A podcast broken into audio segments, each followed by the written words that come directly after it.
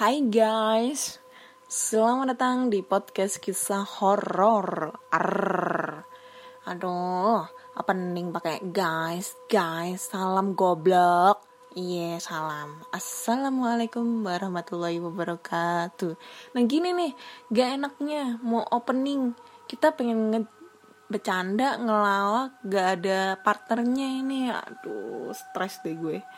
Beneran, gak ada partnernya itu gak enak banget berasa kayak hampa hidupku. Hahaha.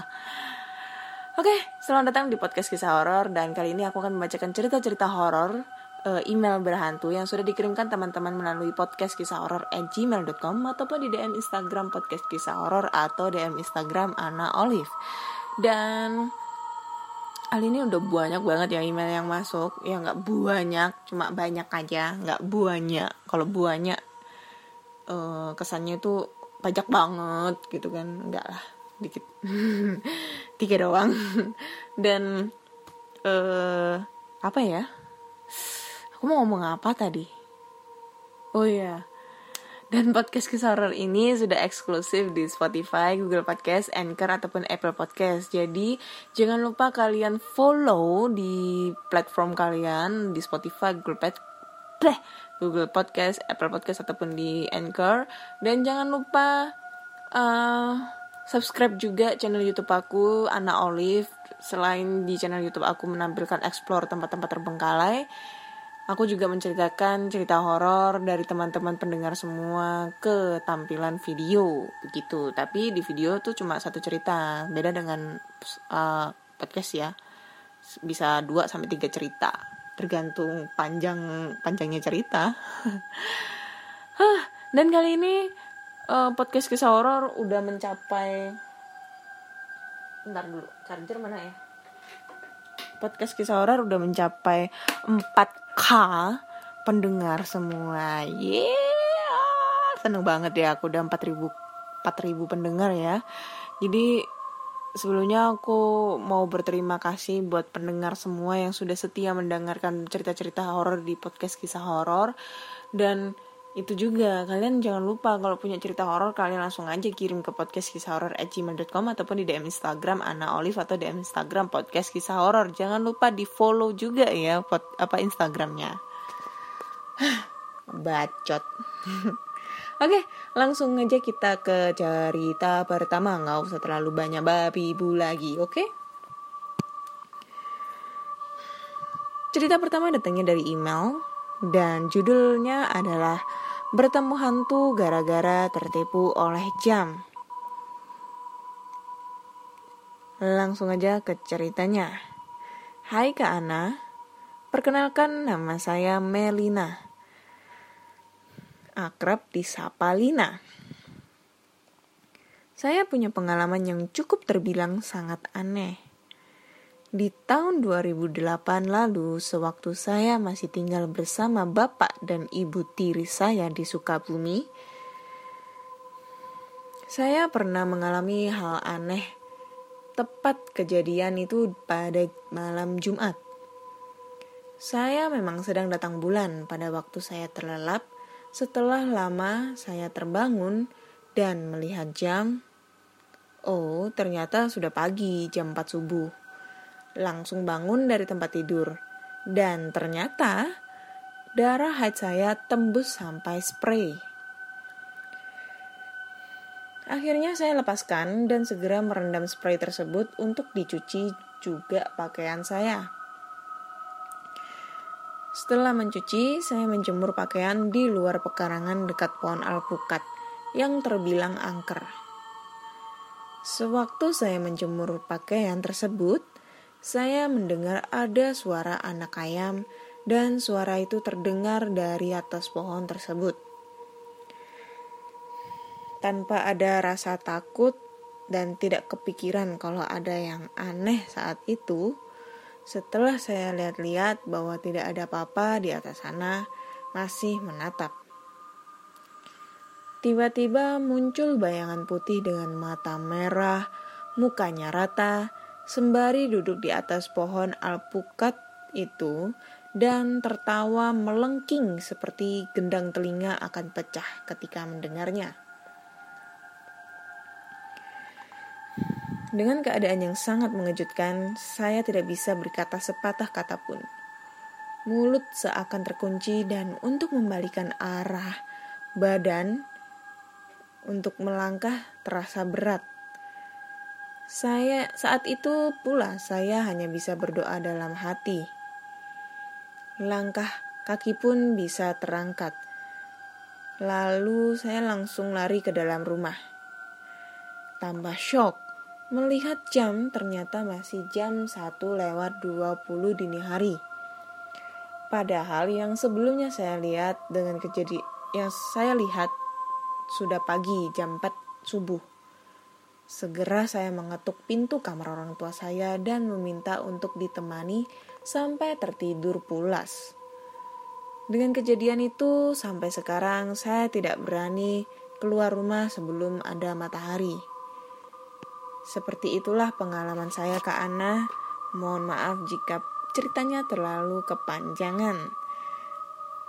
Inilah pengalaman yang saya alami. Terima kasih.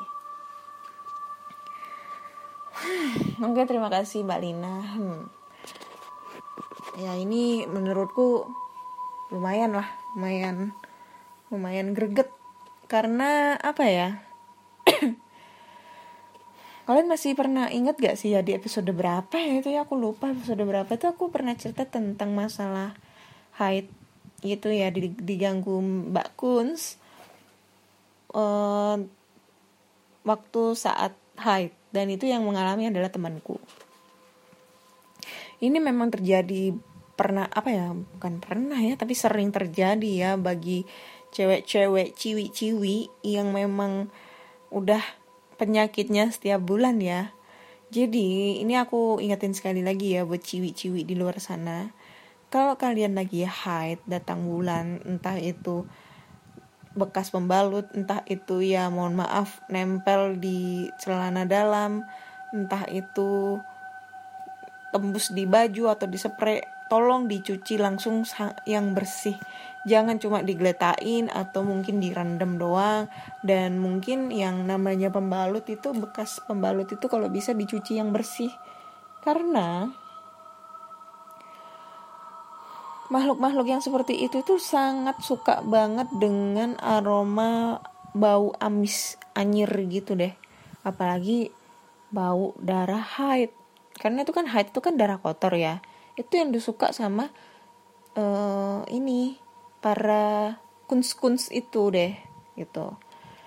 Jadi kan kebanyakan itu kan kalau kita keluar gitu kan um, misalnya kita pengen ganti lagi di mall atau di mana itu kan pastinya kan uh, langsung buang gitu kan di, te di tempat sampah. Nah kalau bisa sih kalian bawa persediaan kantong kresek gitu. Masa iya kalian bawa persediaan pembalut tapi nggak bawa persediaan kantong kresek gitu kan? Ya buat ngewadahin itu biar nggak terlalu bau banget ya kan? Kalau emang kita nggak ada memungkinkan cara untuk mencuci ya selain itu juga biar nggak jijik gitu loh orang liatnya kan? Kan ada juga kan bak sampah yang terbuka di pom pom bensin kayak gitu gitu. Jadi please dari situ juga dari pengalaman itu juga kita bisa diajarkan tentang budaya apa ya menjaga di menjaga kebersihan. Itu deh.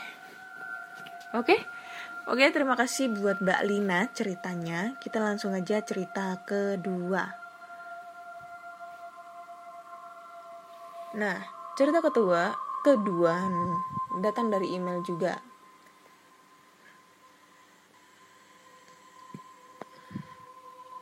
Judulnya bertemu pocong nenek Jadi begini ceritanya. Cerita ini berawal ketika aku masih kelas 1 SMP. Sungguh pengalaman ini takkan terlupakan. Betapa tidak, untuk pertama kalinya aku melihat langsung yang apa yang disebut orang pocong.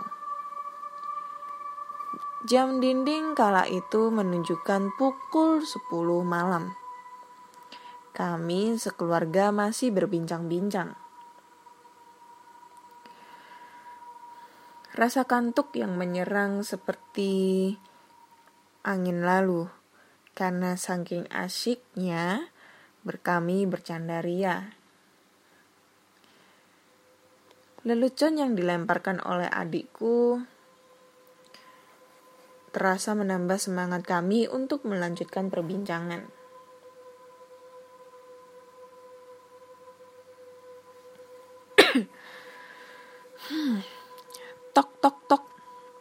Terdengar seperti ada seseorang yang mengetuk pintu rumah kami.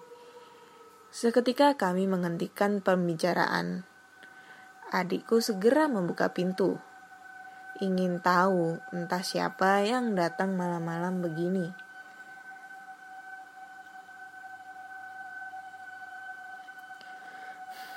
Setelah dibuka, kami baru tahu kalau yang bertamu selarut ini adalah kakek. Sepertinya kakek datang dengan tergesa-gesa. Itu bisa dilihat dari muka dan badan, badannya yang berkeringat. Tanpa berbahasa basi, kakek menceritakan masuk maksud kedatangannya. Rupanya kakek mengabarkan bahwa nenek masuk rumah sakit dan diopname di sana. Sontak suasana menjadi panik. Mama yang pada saat itu ingin langsung bergegas ke rumah sakit untuk membesuk nenek dihalangi oleh kakek dengan alasan sudah larut malam. Sepulang kakek dari rumah, kami menjadi tidak tenang. Betapa tidak, kami di rumah enak-enakan, sedangkan nenek terbaring di rumah sakit. Kami hanya bisa mendoakan agar nenek lekas sembuh.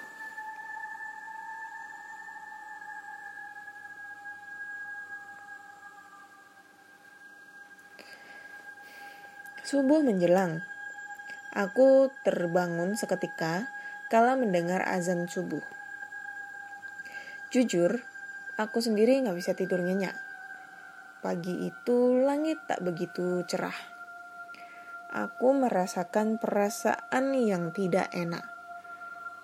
Tapi aku tepis rasa itu jauh-jauh. Aku berinisiatif untuk tidak masuk sekolah hari itu. Pada pukul 9 pagi, kakek dapat telepon kalau nenek sedang menjalani operasi. Dokter mendapati adanya cairan hitam yang berada di dalam lambung nenek. Sepanjang pagi itu, kami sekeluarga tidak henti-hentinya memanjatkan doa kepada Allah Subhanahu wa Ta'ala agar nenek diberi kesembuhan. Namun, takdir berkata lain: segala sesuatu yang diciptakan tidak ada yang kekal, dan segala sesuatu yang bernyawa pasti akan kembali dan menghadap kepada Sang Pencipta. Pukul 10 pagi, kami mendapat berita bahwa nenek sudah tiada. Innalillahi wa innalillahi rojiun.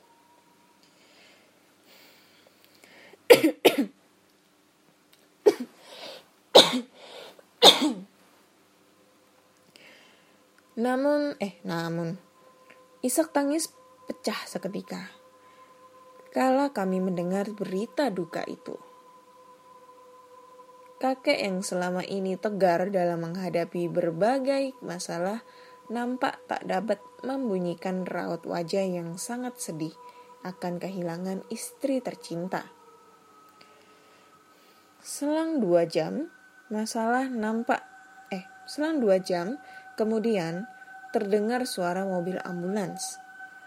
Mobil ambulans itu datang membawa jenazah nenek. Tangis dan doa mengiringi kedatangan jenazah nenek ke rumah duka. Nenek yang selama ini baik dan penyayang kepada semua orang terlebih kepada cucu-cucunya. Tak hanya kami, para tetangga pun merasa sangat kehilangan akan kepergian nenek. Beberapa jam kemudian, datanglah seorang perempuan berpakaian sederhana. Sejenak kupandang siapa wanita ini. Kalau kupandangnya kayak lagu ini, Cak. Sepertinya dia berusaha mendekati jenazah. Rupanya itu orang yang akan memandikan jenazah nenek yang memang sedari tadi telah ditelepon kakek. Setelah dimandikan, kami para keluarga termasuk juga cucu-cucu nenek bergantian menciumi pipi nenek yang akan segera dikebumikan. Ketika giliranku, aku merasa agak takut, tapi semua itu aku tepis. Mengingat jenazah tersebut adalah nenekku sendiri. Terasa sangat dingin pipi nenek, bagai mencium sebuah balok es.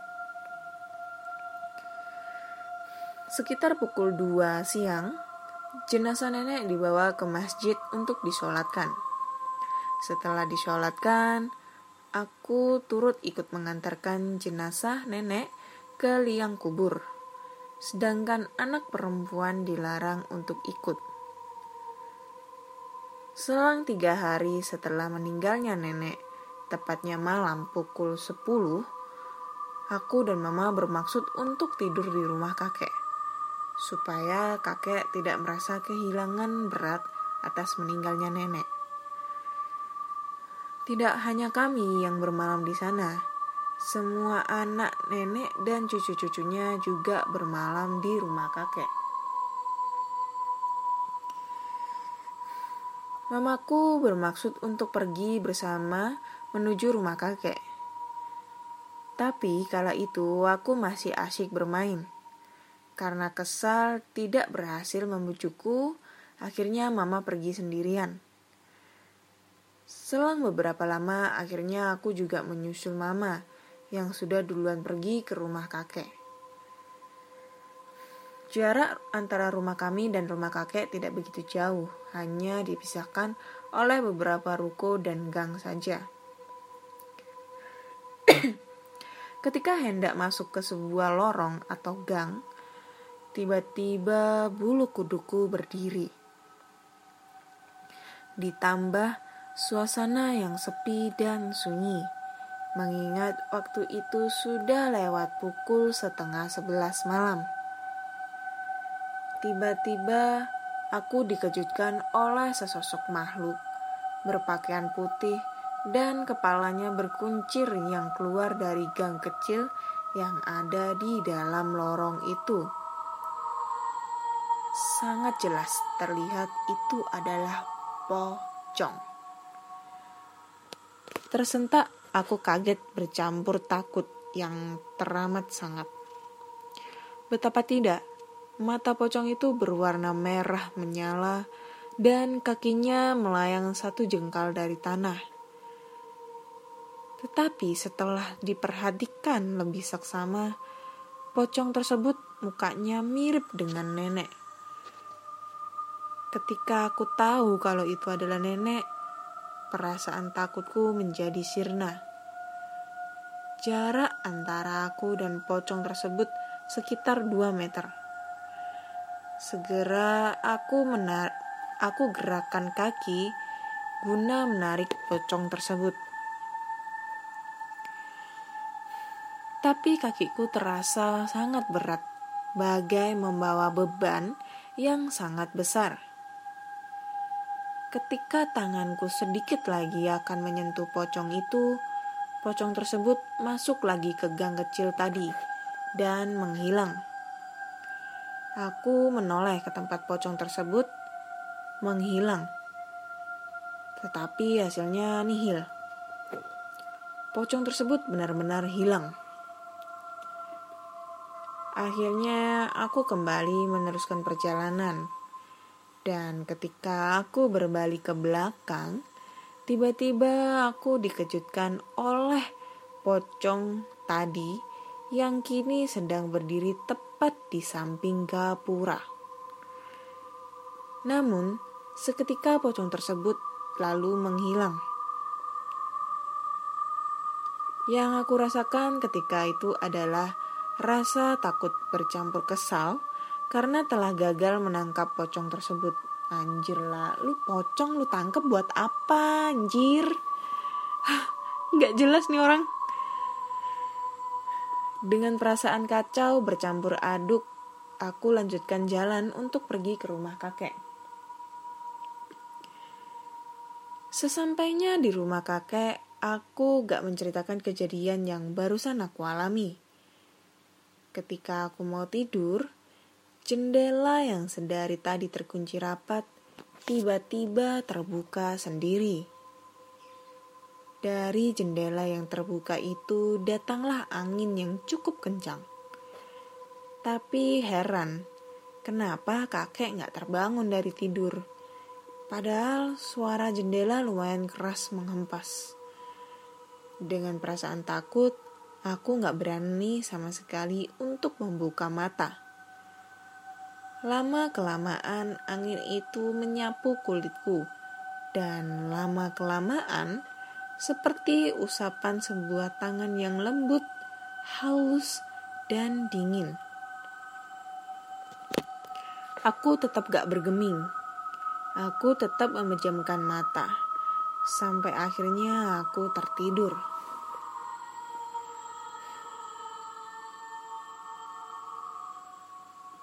Kejadian, eh kejadian, keesokan harinya aku sakit. Mungkin disebabkan rasa takut yang teramat sangat. Dan akhirnya aku menceritakan seluruh kejadian yang aku alami semalam kepada keluarga besar. Mereka terkejut dan menasihatiku agar tidak pergi sendirian dan selalu mendengarkan perkataan orang tua. Hari itu teringat jelas, hari Jumat sebagai kewajiban seorang muslim, apalagi seorang laki-laki, wajib menunaikan salat Jumat. Dalam Jumat, eh dalam Jumat, dalam khotbah Jumat itu sang kotib menjelaskan bahwa sesungguhnya manusia itu ketika lahir ke dunia telah didampingi malaikat dan jin. Jin pada manusia itu disebut horin atau jin horin Jin Horin ini yang senantiasa menimbulkan fitnah ketika seseorang meninggal. Dan Horinlah yang menjelma menjadi si almarhum atau almarhumah. Sehingga orang dikejutkan oleh arwah gentayangan. Namun sebenarnya itu adalah tipu muslihat setan yang nyata. Hanya baginda Rasul Muhammad Wasallam yang horinya ditaklukkan oleh Allah Subhanahu wa taala. Mendengar penjelasan khotbah tersebut, aku kepikiran akan peristiwa yang aku sempat alami semalam.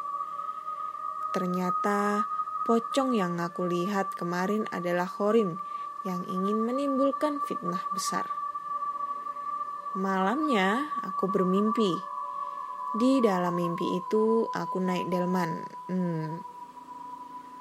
Di atas delman tersebut aku bertemu dengan nenek yang rupanya masih belia. Seperti nenek kembali muda. Anjir lah kakiku kesemutan cuy. Aku inget banget dalam mimpi tersebut aku naik delman dengan nenek sambil mengitari taman bunga yang sangat indah. Aku sendiri belum pernah melihat taman bunga seindah itu. Di setiap jengkal jalan juga terdapat pohon yang buahnya beraneka ragam. Harum wangi bunga menyeruak menusuk hidung. Wanginya lembut dan menyejukkan kalbu. Sungguh tiada banding wangi seperti ini. Sembari mengelilingi taman dengan menggunakan delman, aku berbincang-bincang dengan nenek. Salah satu pertanyaan yang aku ajukan ke nenek adalah, kok bisa nenek kembali muda? Seperti wanita berusia 22 tahun, padahal nenek berusia 63 tahun. Tetapi nenek hanya membalas pertanyaan dengan senyuman. Dengan bukan sekali itu saja aku mimpi bertemu dengan nenek. Pernah aku bermimpi tidur di pangkuannya. Ketika itu nenek bercerita dan bersolawat sembari kepalaku direbahin di atas pangkuannya. Di setiap mimpi bertemu nenek tidak ada yang buruk. Aku berkesimpulan nenek sudah tenang di alam sana dan ditempatkan di sisi Allah Subhanahu wa taala yang layak. Oke, ceritanya udah habis, guys. Jadi inti ceritanya ini cerita horor apa cerita sedih ya? Kok ending-endingnya jadi sedih gini ya? Oke, terima kasih buat ini siapa ya yang ngirim ya? Gak mau disebutin nama sih. Ya udah aku ganti namanya Budi Budi.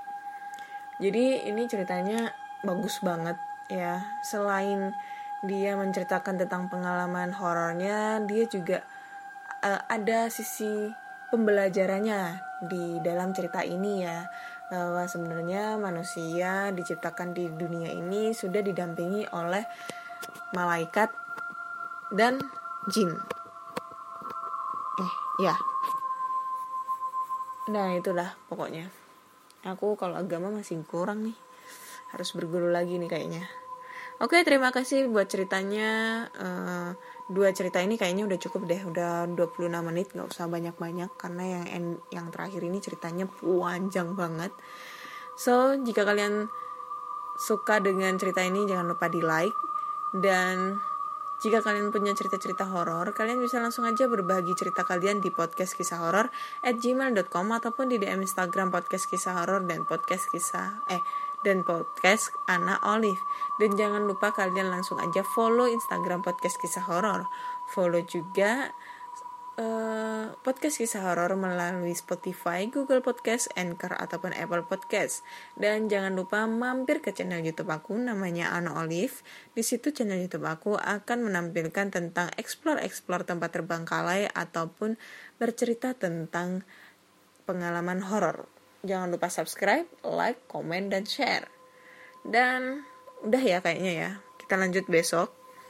Akhir kata aku mengucapkan terima kasih sudah mendengarkan dan selamat malam.